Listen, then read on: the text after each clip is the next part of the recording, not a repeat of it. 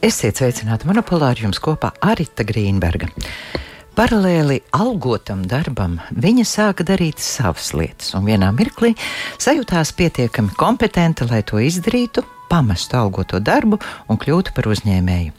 Sabīna Koklačova izveidojusi savu uzņēmumu Bungala, kas nodarbojas ar dažādiem radošajiem projektiem un dizaina risinājumiem.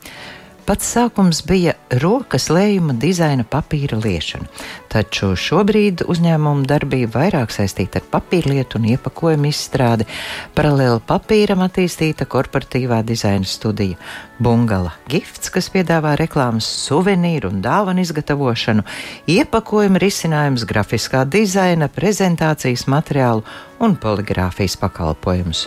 Sabīnai trakas idejas, un viņa realizē tās ar milzīgu aizrautību.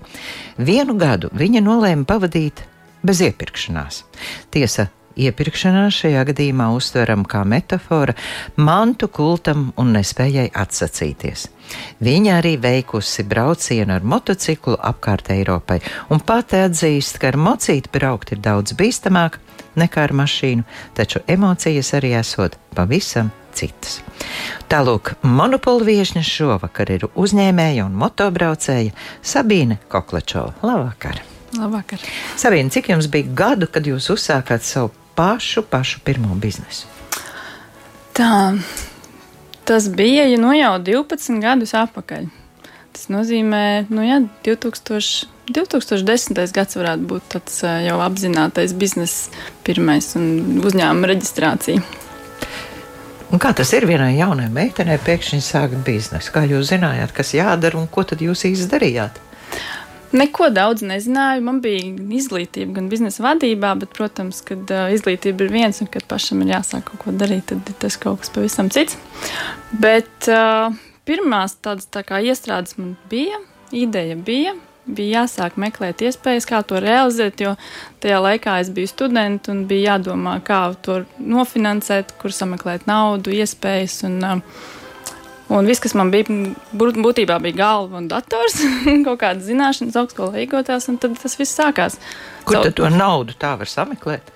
Īstenībā pat, turpat ne, vairs nevajadzēja naudu. Es ļoti daudz ko kā, mācīju, mājaslapas uztaisīju pati, telpas uh, sameklēju Zviedru augstskolas inkubatorā. Tā sākās pirmie tādi soļi. Un, Jā, un pirmie, pirmie darījumi arī tā tika realizēti. Ko jūs ražojāt? Ko jūs realizējāt? Pats pirmais projekts bija jā, reklāmas suvenīru un dāvāns, kas man bija tā kā jau iestrādāts no iepriekšējiem uh, darbiem.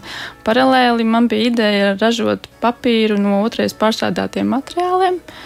Nu, vēl, piemēram, no kā? Nu, piemēram, papīrs ar kafiju vai ar tēju, papīrs no pārstrādāts no tetrapakām, papīrs no avīzēm, bet tas nav jāsaprot kā standarta papīrs, vairāk kā dizaina lējuma papīrs ar grafiskiem elementiem, tādiem iespiedumiem un tādām lietām. Un tad paralēli parādījās arī papīrs no zāles, no salmiem, no kaņepes šķiedrām, dažādām šķiedrām sadarbībā ar, jā, ar mūsu kolēģiem. No tās jau. zāles un kaņepēm man liekas tā kā saprotamāk, bet kā kafija un tēja, ko no kafijas biezumiem? Nu, principā pamatā ir papīrs pārstrādāts, un tad viņam tā, tiek klāt, jā, vērts dažādas sastāvdaļas, lai viņu tādu izteiksmīgāku un dizainīgāku uztaisītu. Kas no tā notiek? Papīrs kļūst krāsains, varbūt smaržīgs. Viņš krāsains, viņš paliek smaržīgs. Viņam ir jā, tāda, tā kā tās ziedlapiņas paliek iekšā, piemēram, papīrā. Un tad, ja viņas tāloka kā kartiņa vai strā, iestrādā kā iepakojumā, tas nāk diezgan interesants rezultāts. Jā. Senos laikos, kad cilvēki vēl rakstīja vēstules ar roku, tad arī bija tādas ļoti tādas glītas roza un smaržīgas jā. lapiņas, lai mīļotais cilvēks saprot, cik tu esi viņam svarīgs. Vai jums kas tāds arī tas bija? Jā, tieši tā. Tas bija arī tāds īpašais papīrs, kur, jā, uz kura gribētos tiešām skaisti, eleganti uzrakstīt. Nevis jā, tā vienkārši. Bet, jā, bet kur skaisti. jūs pēc tam to realizējāt? Mm, papīrlietu veikalos mēs bijām panākuši arī to kvalitāti, ka no viņa varēja jau ražot arī iepakojumu maisiņus un aploksnes un tādas, tādas lietas. Jā. Bet, nu, viņš, jā, viņš bija diezgan īpatnējs. Un savā ziņā es sapratu, ka vienmēr arī paliks tāds vairāk mākslas projekts un dizaina projekts. Nevis, jo viņi tā kā. Um, gudrinājot, skalot, vai, piemēram, jā, palielināt to biznesu bija diezgan grūti. Tāpēc tas bija ļoti labi tāda pirmā pieredze, kur mēs ieguvām arī pāris kā, balvas un, un par, par radošumu un tikām inkubatoros iekšā. Bija interesants laiks. Tas bija tāds pirmais eksperiments. pirmais eksperiments tāds - Sabina Koklečova šovakar ciemos pie mums klausāmies viņas izvēlēt mūziku.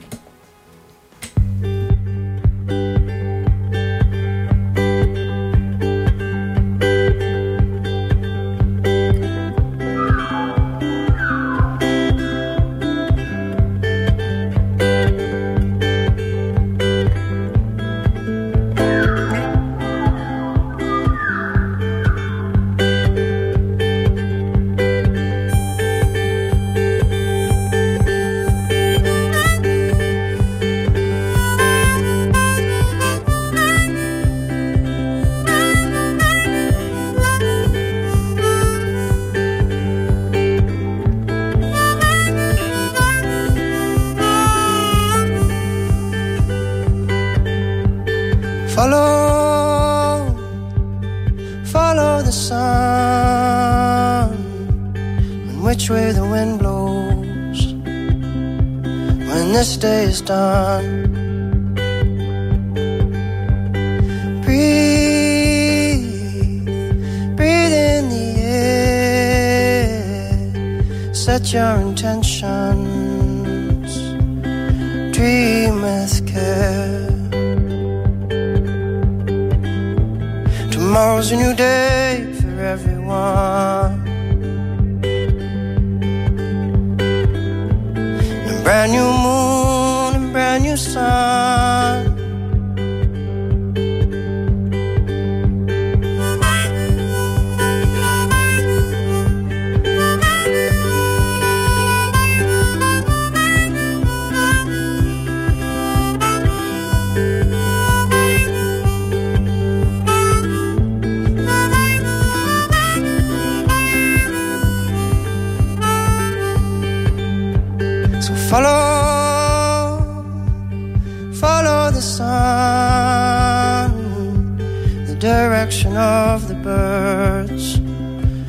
direction of love.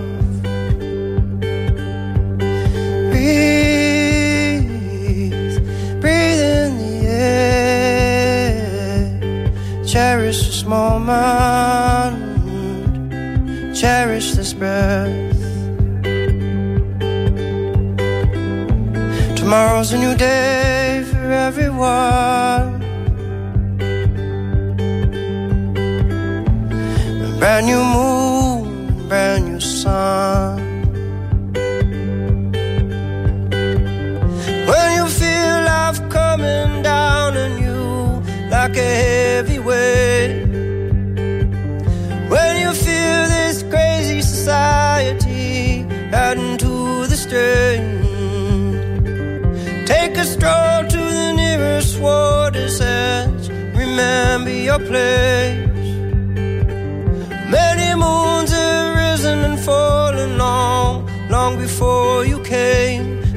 Which way is the wind blowing? And what does your heart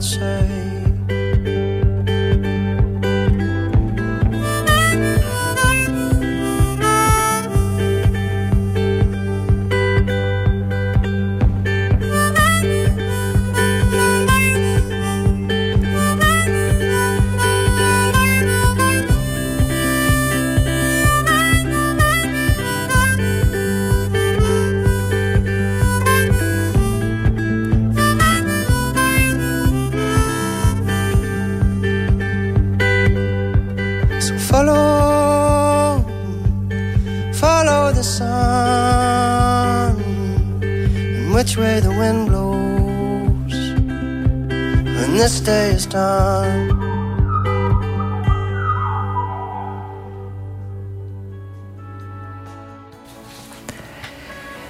Kas tā bija par mūziku, ko mēs šovakar klausāmies?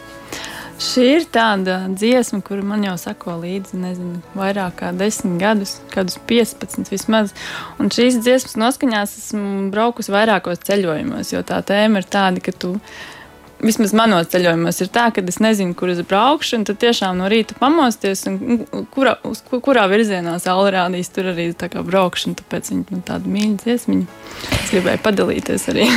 Jā, par ceļojumiem mēs noteikti runāsim, bet uh, turpinot, kā šobrīd biznesā, kas notiek un kā šobrīd sauc jūsu uzņēmums? Šobrīd uh, nosaukumu neesmu mainījis, tā arī saucās Sija Bungala. Mēs vairāk šobrīd orientējamies uz prezentu reklāmas materiāliem, apdrukātām krūzēm, pildspalvām un tādām lietām. Un, nu, šobrīd, lai arī Nu jā, kas to būtu domājis, kad mums pat sejas maskas ar apdruku taisam, bet nu, tas galīgi nebija plānots. Kā dzīve iegrozās. Bet jā, nu, tas ir tāds biznesiņš, kurš ir pielāgojies līdzi laikiem un jebkurā mirklī droši vien vienmēr mums. Bet man liekas, ka jūs vispār esat tāds cilvēks, kuram patīk mainīties, nepārtraukti Jā. kaut kas jauns un nepārtraukti mainīties. Vai tas ir tāpēc, ka apnīk, vai tā, tas ir tādēļ, ka nu, vienkārši gribas vairāk mēģināt un vairāk izbaudīt? Gribās vairāk pieredzēt un uh, dažādu to to pieredzi tiešām uzkrāt savu laiku, kad man sauc par sēriju veidu uzņēmēju ar katru pusgadu ar jaunu biznesu nācu un, un eksperimentēju. Un, un, jā, un, Tad uh, tagad tas varbūt vairāk izkristalizējas uz kaut kādu pamatu biznesu, bet, bet jā, nu, tā mainība laikam tas rakstur, raksturojums man tas lielākais. Man, man grūti laikam tā, es ātri, nu, jā, tiešām varbūt savā ziņā apnīk, bet, bet tā pieredze un tā dzīves garša veidojas, man liekas, tieši no, tos, no tām pārmaiņām. Jums ir palīgi, jums ir komanda.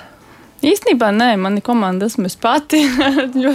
man ir diezgan daudz dažādas kā, funkcijas, arī tas, ko es daru. Un, protams, kad uh, komanda mainās un nāk cilvēki, tad, kad viņi ir nepieciešami. Bet pārsvarā esmu jā, viena pati, kas izdomā kādu ideju un arī viņu realizē.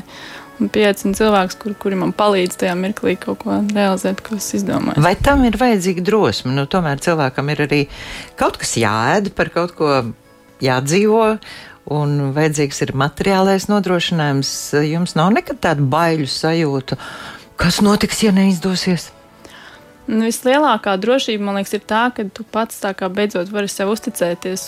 Tas ir drošāk, manuprāt, pašam veidot savu biznesu, kad es jau tā kā apbrīžājos un zinu, ko darīt, nekā, man liekas, strādāt algotu darbu.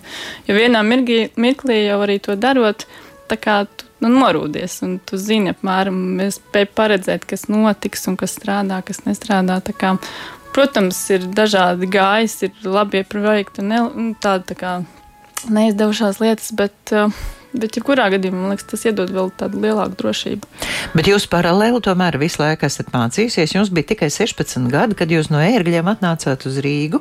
Un būtībā jauns meitenes sākāt arī dzīvot viena pati. Sāku dzīvot viena, jā, tā, jā, īrēju dzīvo kopā ar draugiem, kā jau tajā laikā. Tur, tad, um, jā, paralēli, cik vien ātri varēju sākt, arī sāku strādāt, mācījos visu to laiku. Kur? Mācījos uh, no sākuma Natālijas draudziņas gimnājā, pēc tam Banku augstskolā. Bakalaura grāds, maģistra grāds, beigās doktorantūra. Tik vienkārši, un beigās doktorantūra, un kāda ir jūsu tēma? Man tēma, nu jā, biznesa vadība, vairāk uz biznesa vadību un inovācijām strādā. Tā tad jums nav tomēr tikai praksa, jums ir arī tāds pamatīgs teorētisks pamats. Pamata zināšanas, jā, bet, jā, bet piemēram, no mūsu kursa, es domāju, ka ir tikai pāris uzņēmēji izauguši. Jo mēs kā mācāmies biznesa vadību, bet tiešām, man liekas, ir jābūt tam uzņēmēju gēnam. Tas, to, ko nevar īsti, man liekas, skolā iemācīties. Kā jums šķiet, kur jūs to uzņēmēju gēnu esat ņēmusi? Ja godīgi, man tiešām nav atbildes uz šo, jo man liekas, līdz, līdz pat maģistratūrai es pat nezināju, kad es varu būt uzņēmēji. Un tas nāca dabīgi. Vienā mirklī, man liekas, tā kā mazs cēlēns, kad viņš tā kā izšķiļās, tad laikam es arī izšķīlos un sāku darīt tādas lietas, jo pirms tam es biju pavisam, man liekas, tāda savādāk. Nu, labi, nu, kāda jūs bijāt bērnībā, skolas laikā? Es domāju, līdz tiem 16 gadiem. Līdz 16 gadiem es biju tāda mākslinieca, gāju uz mākslas skolu. Vienmēr atšķīros, manuprāt, arī pūlī un tāda ar savu tādu domāšanu. Bet, uh, Noteikti ne matemātiķi un, un tādi, kas, kas esmu šobrīd. Bet jā, es biju radoša un tāda varbūt tāda īpatnēja, nesaprasta savā ziņā, kā jau parasti viņa vecumā tā likās. Nu labi, bet bet, papīra jā. bizēnā, man liekas, arī ir vajadzīgs radošums. Tāpēc, Vismaz gaume. Jā. Nu, jā, tādā ziņā man ir tā dizaina mākslas gan izglītība, gan arī man tas patīk. Līdz ar to man tie visi biznesi ir tādi nedaudz radoši pieskaņi, tāda sievišķīga, kur ir daudz krāsu un, un dizains un tā. Un tāpēc, ka droši vien es to esmu un tā ļoti labi apvienojis gan biznesu un savu radošo pusi un to mainību. Tagad mūsu sarunā iesaistīsies kāds cilvēks. Paklausīsimies!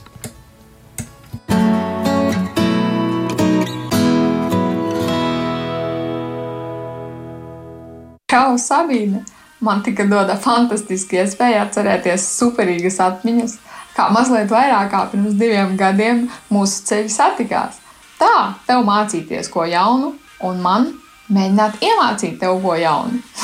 Lai arī mums gāja ļoti raibi, augšā un lejā, labāk un sliktāk, un močiem lūza kāpši, un bija tādi brīži, kad tev deguntiņš nokārās, un es teicu, nē, Sabīne, nemaz nedomā, nedomā padoties, jo es jūtu tevī to mazo spridzeklīti. Un tu sapurnējies un teici, nē, es nepadošos, man būs tā kategorija, kad var pierakstīties uz nākamo nodarbību. Un man bija tāds lielais iekšējais smaids, yes, te būs. Un paskaties, paskaties, tagad nevis kāršu lūst, bet riepas svilst. Un ceļi strīdējās gar asfaltu, braucot pa līkumiem. Cīņa pērkļu līkumiem ar tevi man jau sen ir zaudēta. Varu piedāvāt dueli, be, izbraukt bezceļā. Starp citu, par ko man arī ir fantastisks prieks, eh, ka tu esi izmēģinājis arī šo lietu, jo moto pasaule ir liela, daudz moto iespējas, daudz dažādi piedāvājumi, un tu to visu smēli, un tas man patīk, jo jā, tāda tu esi arī dzīvē un arī darbā. Tu nebaidies no iespējām.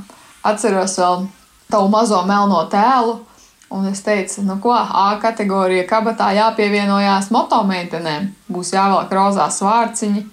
Teicu arī, nē, nē, nē, man rozā nebūs. Un redz kā, viss sākās ar vienu mazu motomeitiņu rozā lakatiņu, lai vienredži tev palīdz, un tavi rozā sapņi piepildās, un pats galvenais - Sabīne - dod ručkā.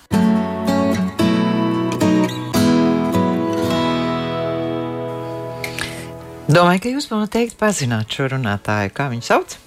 Lelde, Lelde man mīļā pasniedzēja. Lelde Pēleģe Vēvere, un viņa ir motomeiteņa prezidenta un dibinātāja. Kas ir motomeitenes? Tā ir motomeiteņa apvienība, kurā ir apvienojušās motomeitenes, kas ir mācījušās pie Leldes uh, motoskolā. Un, jā, un tad viņas taisa kopīgus pasākumus gan ar močiem, gan bez močiem. Un, jā, Tā kā viņas pulcējās kopā. Man liels prieks par to. Jūs tikāt līdz tiem rozās vārciņiem vai nē? Es netiku līdz rozās vārciņiem. Es tajā, tajā momentā, kad es mācījos motoskolā, un arī pēc tam man bija tāds vairāk tāds individuālais jā, periods, melnais periods. Kad, jā. Nu jā, mūsu mājaslapā jau arī var bildēs paskatīties, un jūs tur tāda melna meitene, ka tikai acis var redzēt. No galvas līdz kājām un mocis. Mocis man liekas tāds liels, un jūs pati tāda trausla un sīka. Kā jūs sadzīvojat ar to moci? Nu, es tie, kas ir braukuši ar močiem, tie zina, ka mazie cilvēki cenšas netraucēt mocim braukt. Tad es varu tikai pievienoties. Es varu pie, jā, tad es grozu stūrīti, un, uh, un līdz ar to man ir ļoti viegli. Un maziem cilvēkiem īstenībā ir vieglāk arī motosportā braukt. Un, Nopietni. Viņi tiešām netraucē tam mocim, tad vada tikai moci. Un, uh, jā. Ir tādas grūtākās tādas, tie, tie, tie izaicinājumi, piemēram, pielikt celi pie zemes. Mums ir grūtāk nekā gariem, gariem cilvēkiem. Jo mums ir celīši tādi mazāki. Celis ir jāliek īsāki. pie zemes obligāti. Nu, ir tādas, jā, tā, ka viņš tā kā indikators, kad viss ir kārtībā, kad ir vēl tā drošā zona un tā. Tas ir tā, ka tad, kad tas mocis ir slīpis. Tā kā viņš ir slīpi līkumā, jā. Bet trasē ārpus trases. Gluži tā kā nemēģinam to darīt. Ui, tagad mēs klausīsimies vēl kādu mūziku, un pēc tam, kā jūs tikāt līdz tiem močiem.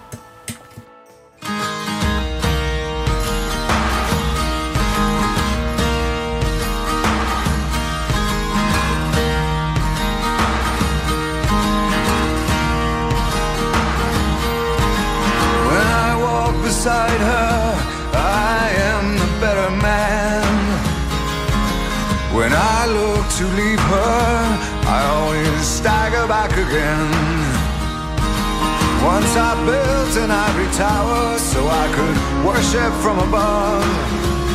When I climbed down to be set free, she took me in again. There's a bee.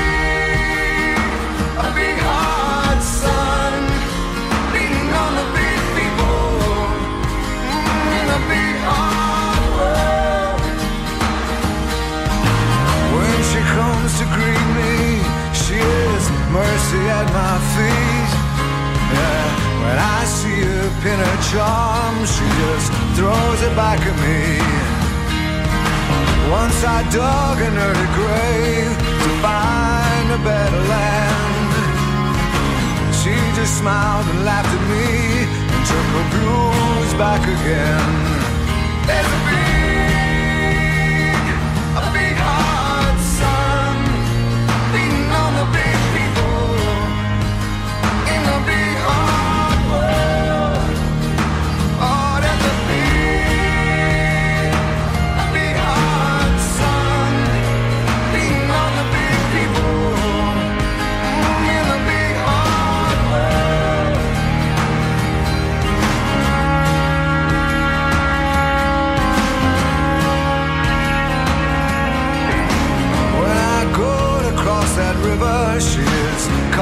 by my side. When I try to understand, she just opens up her hands.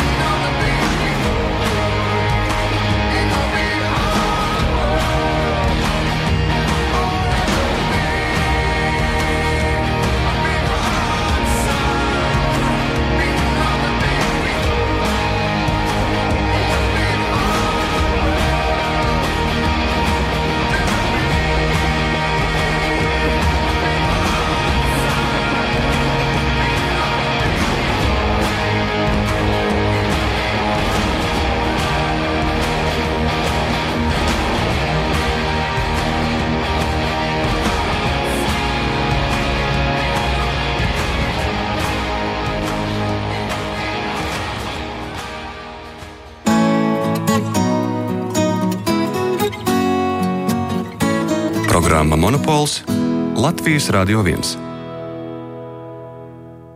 Sabīne Koklačova savu karjeru Rīgā uzsāka sporta preču veikalā un paralēli rīkoja snowboarda sacensības un čempionātus.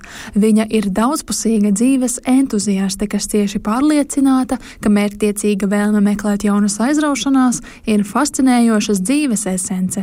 Sabīne ir uzņēmuma bungala veidotāja un paralēli attīsta dizaina studiju Bungala Gifts, bloga gads bez iepirkšanās autore un kaislīga motocikla un dzeļa ceļojumu entuziaste, jo brīvības sajūta vienmēr ir bijusi Sabīnas vērtību augšgalā. 19 dienu laikā apbraukājusi 10 Eiropas valstis un pusotrā sezonā nobraukusi 45 tūkstošus kilometru. Viņa dzīvo ar pārliecību, ka galvenais ir iziet no savas komforta zonas.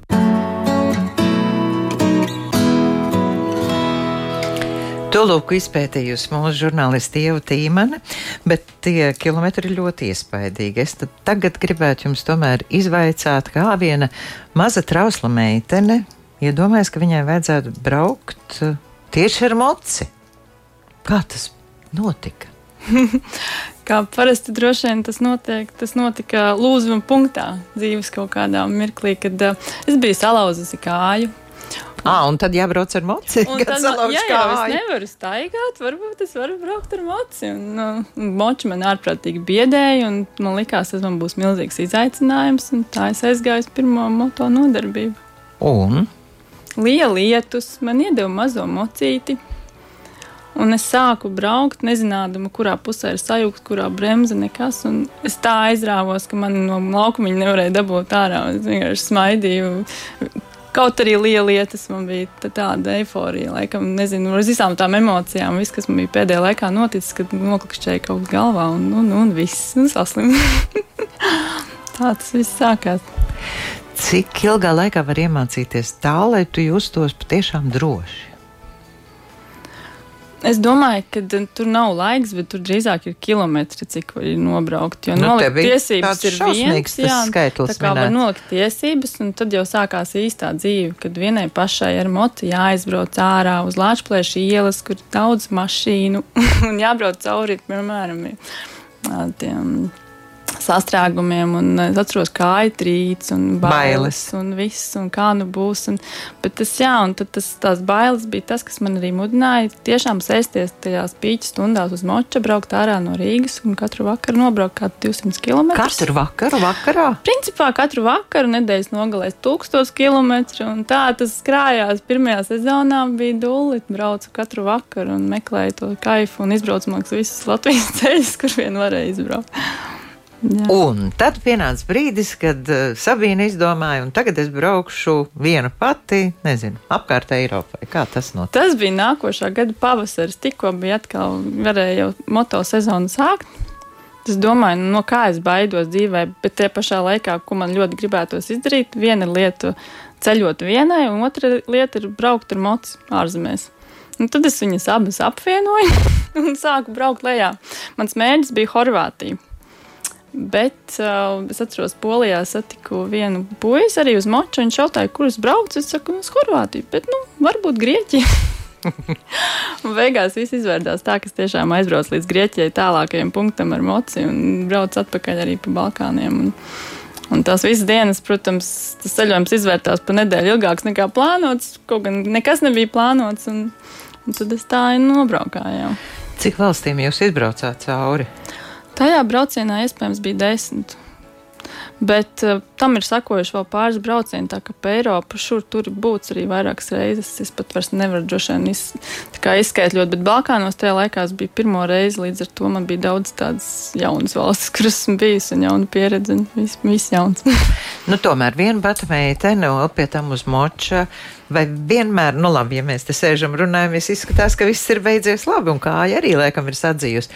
Un tomēr vai ir gadījušies arī kādi tādi incidenti un varbūt nepārāk patīkami notikumi braucot? Paldies Dievam! Es nezinu, man liekas, es parasti sāku ceļojumus ar tādu absolūtu uzticēšanos kosmosam un Dievam, ka ar maniem viss būs kārtībā. Un savā ziņā es arī uh, publiskoju tos braucienus, jo man tad ir lielāka drošība, ja kāds skatās, ja kāds Vismaz zinās, notiek, kurā valstī. Tad var palīdzēt, vai jo, jo pasaule jau ir apaļa, un mēs varam viens otram palīdzēt. Un paldies Dievam, man nekādas problēmas nekad nav bijušas. Pat, Arī ar pat mocinēm. riepas nav tā kā.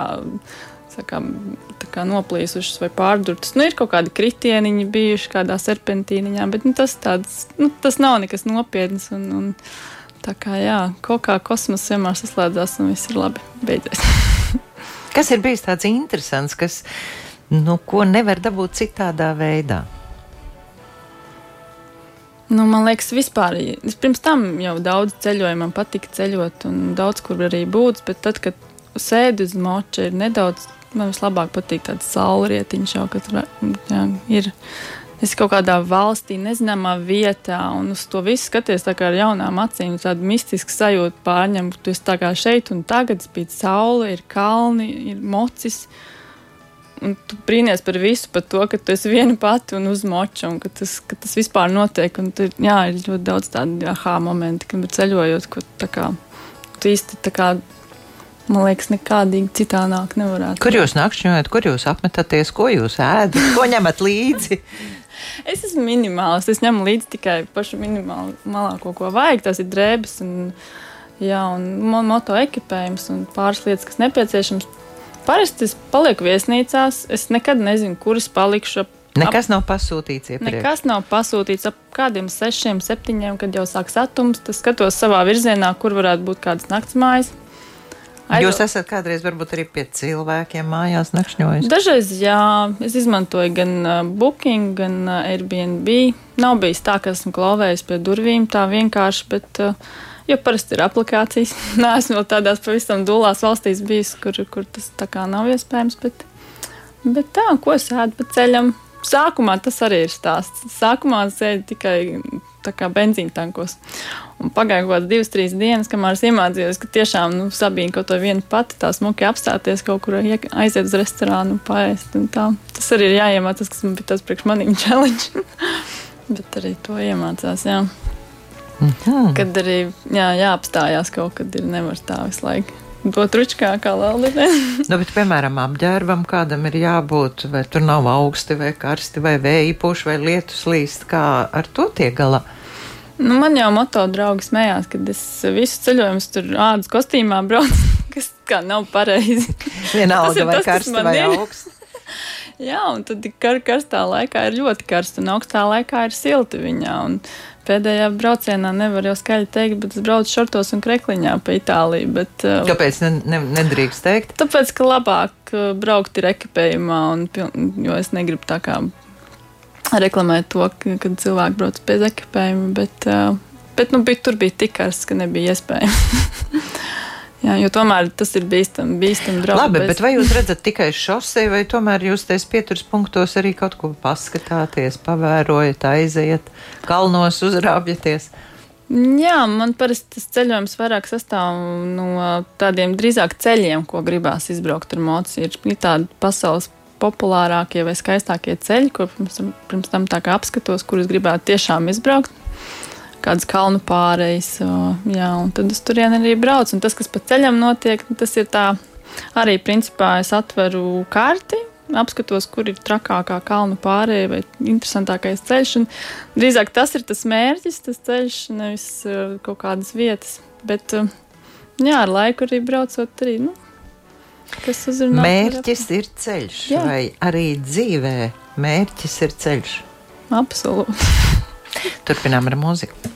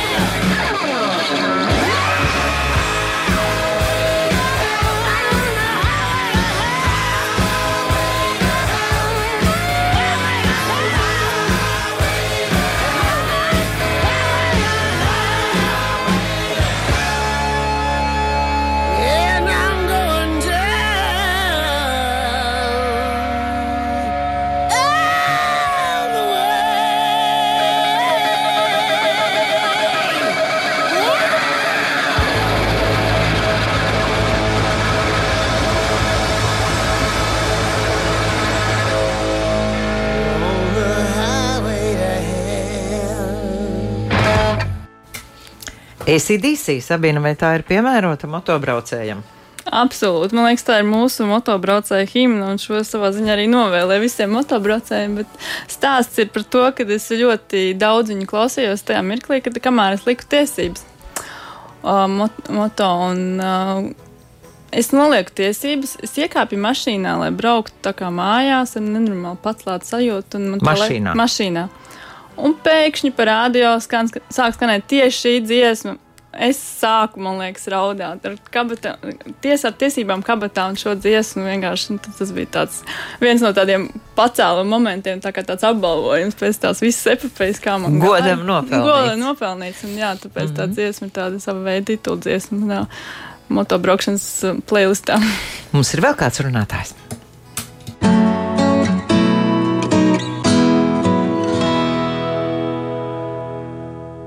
Uh, Stabīli mēs iepazināmies uh, Somijā, tad, kad es braucu ciemos pie savas uh, labākās draudzenes. No skolas laikiem tā man bija draudzene, un viņas kopā tur mācījās. Un jau toreiz sapratu, ka viņi tāds riktīgs spridzeklis, tāda dzirkstele. un, jo pēc tam vēlāk Rīgā nāca visādi tusiņu laiki, un kaut kādā brīdī mēs pat gandrīz kaimiņos dzīvojām.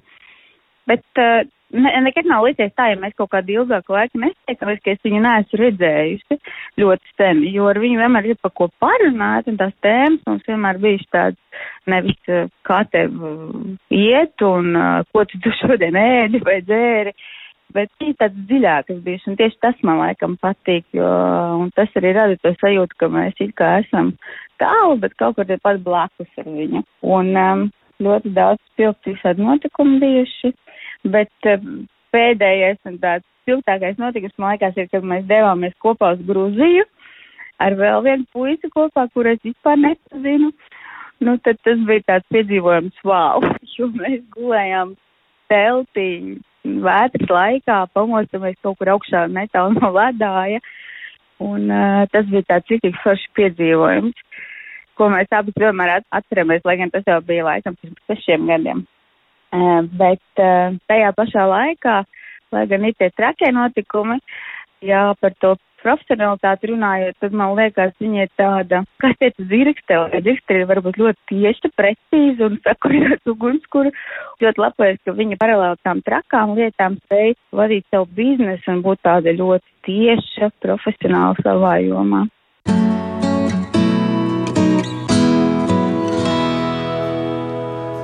Kas to saka? Evija Barkāna. Jā, un viņa ir optometriste filma un optikā. Gruzija, traks brauciens, gulēt teltī vētrā pie ledāja.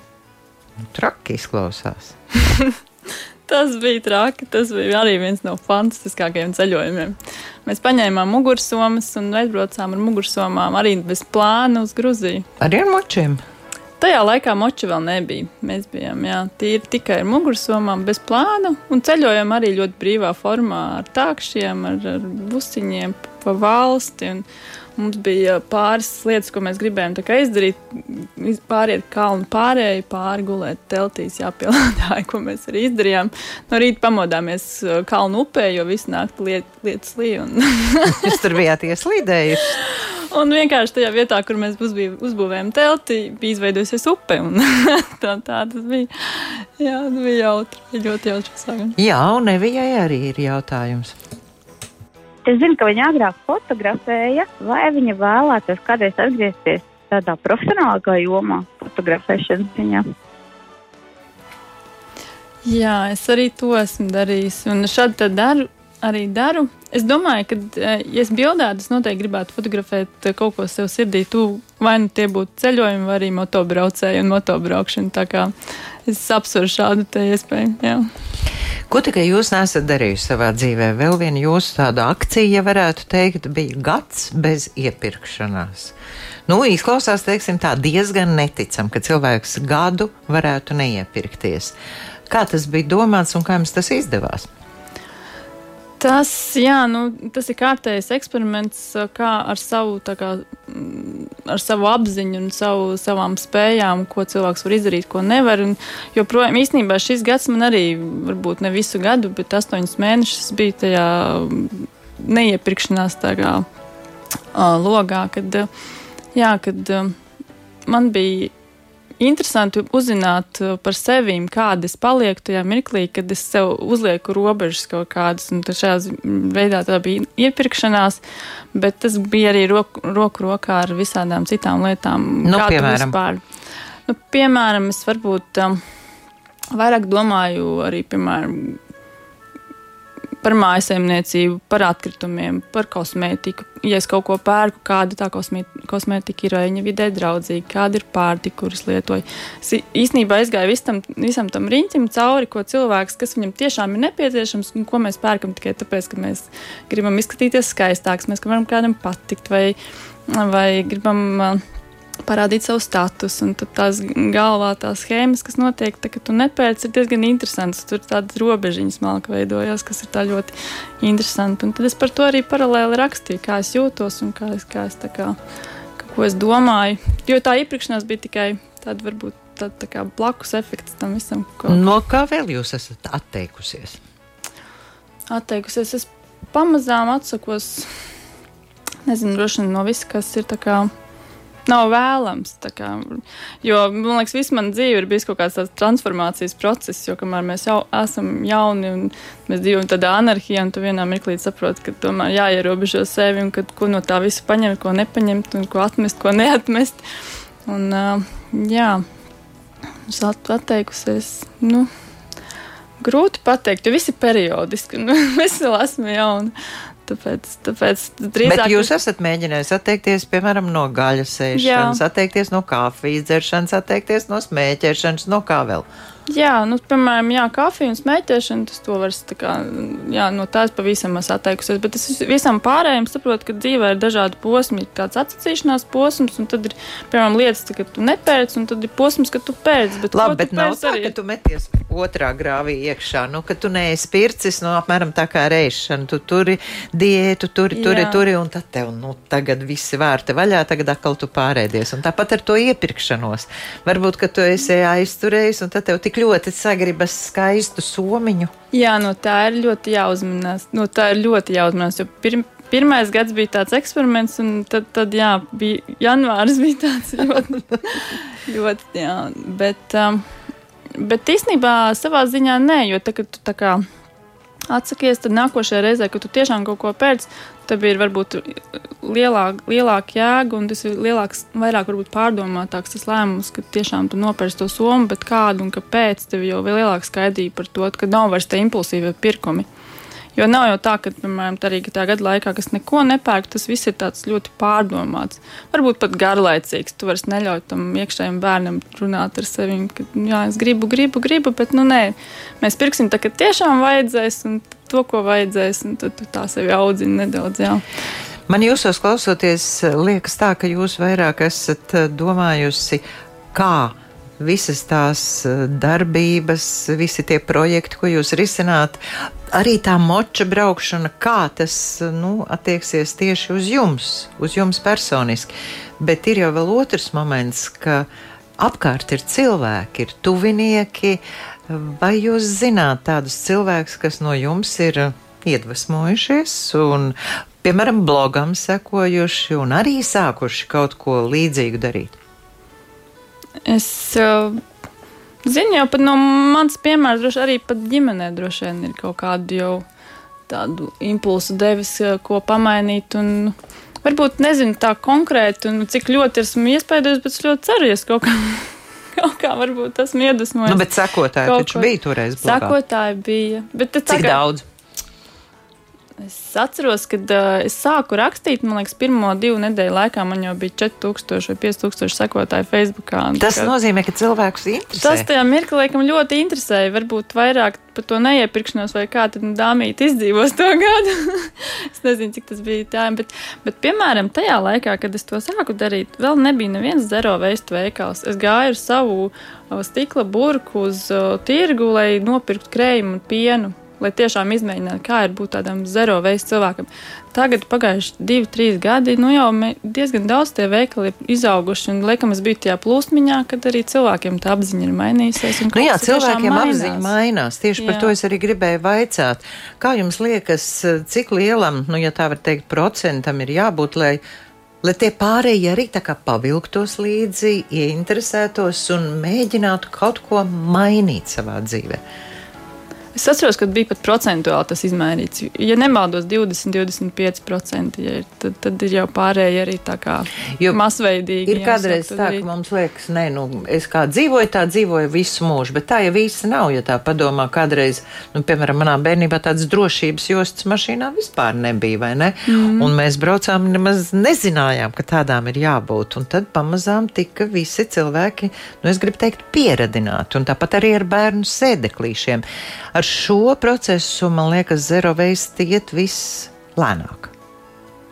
Izsiet, viss iet lēnāk, un, piemēram, tāda situācija, kā šobrīd, viss tiek atmests atpakaļ, atkal tiek plasmas iepakojumi. Mm -hmm. pat, uh, pat tie, kas varbūt gribētu to darīt, tagad ļoti apgrūtināti, piemēram, šobrīd, kamēr nav izdomāta kaut kāda schēma. Bet, bet es atceros, vienmēr es biju tā zaļa, tā kā uh, tendēta, un nu, par to es esmu lasījusi un mācījusies. Un, Un no vienas puses, nu, kā runāja pirms 15 gadiem par to pasaules galu, tā joprojām runā, un nekas nav mainījies. Cilvēki tā kā, nu, vienā mirklī tu saproti, ka tu, vienīgais, ko tu vari darīt, ir mainīt savus ieradumus.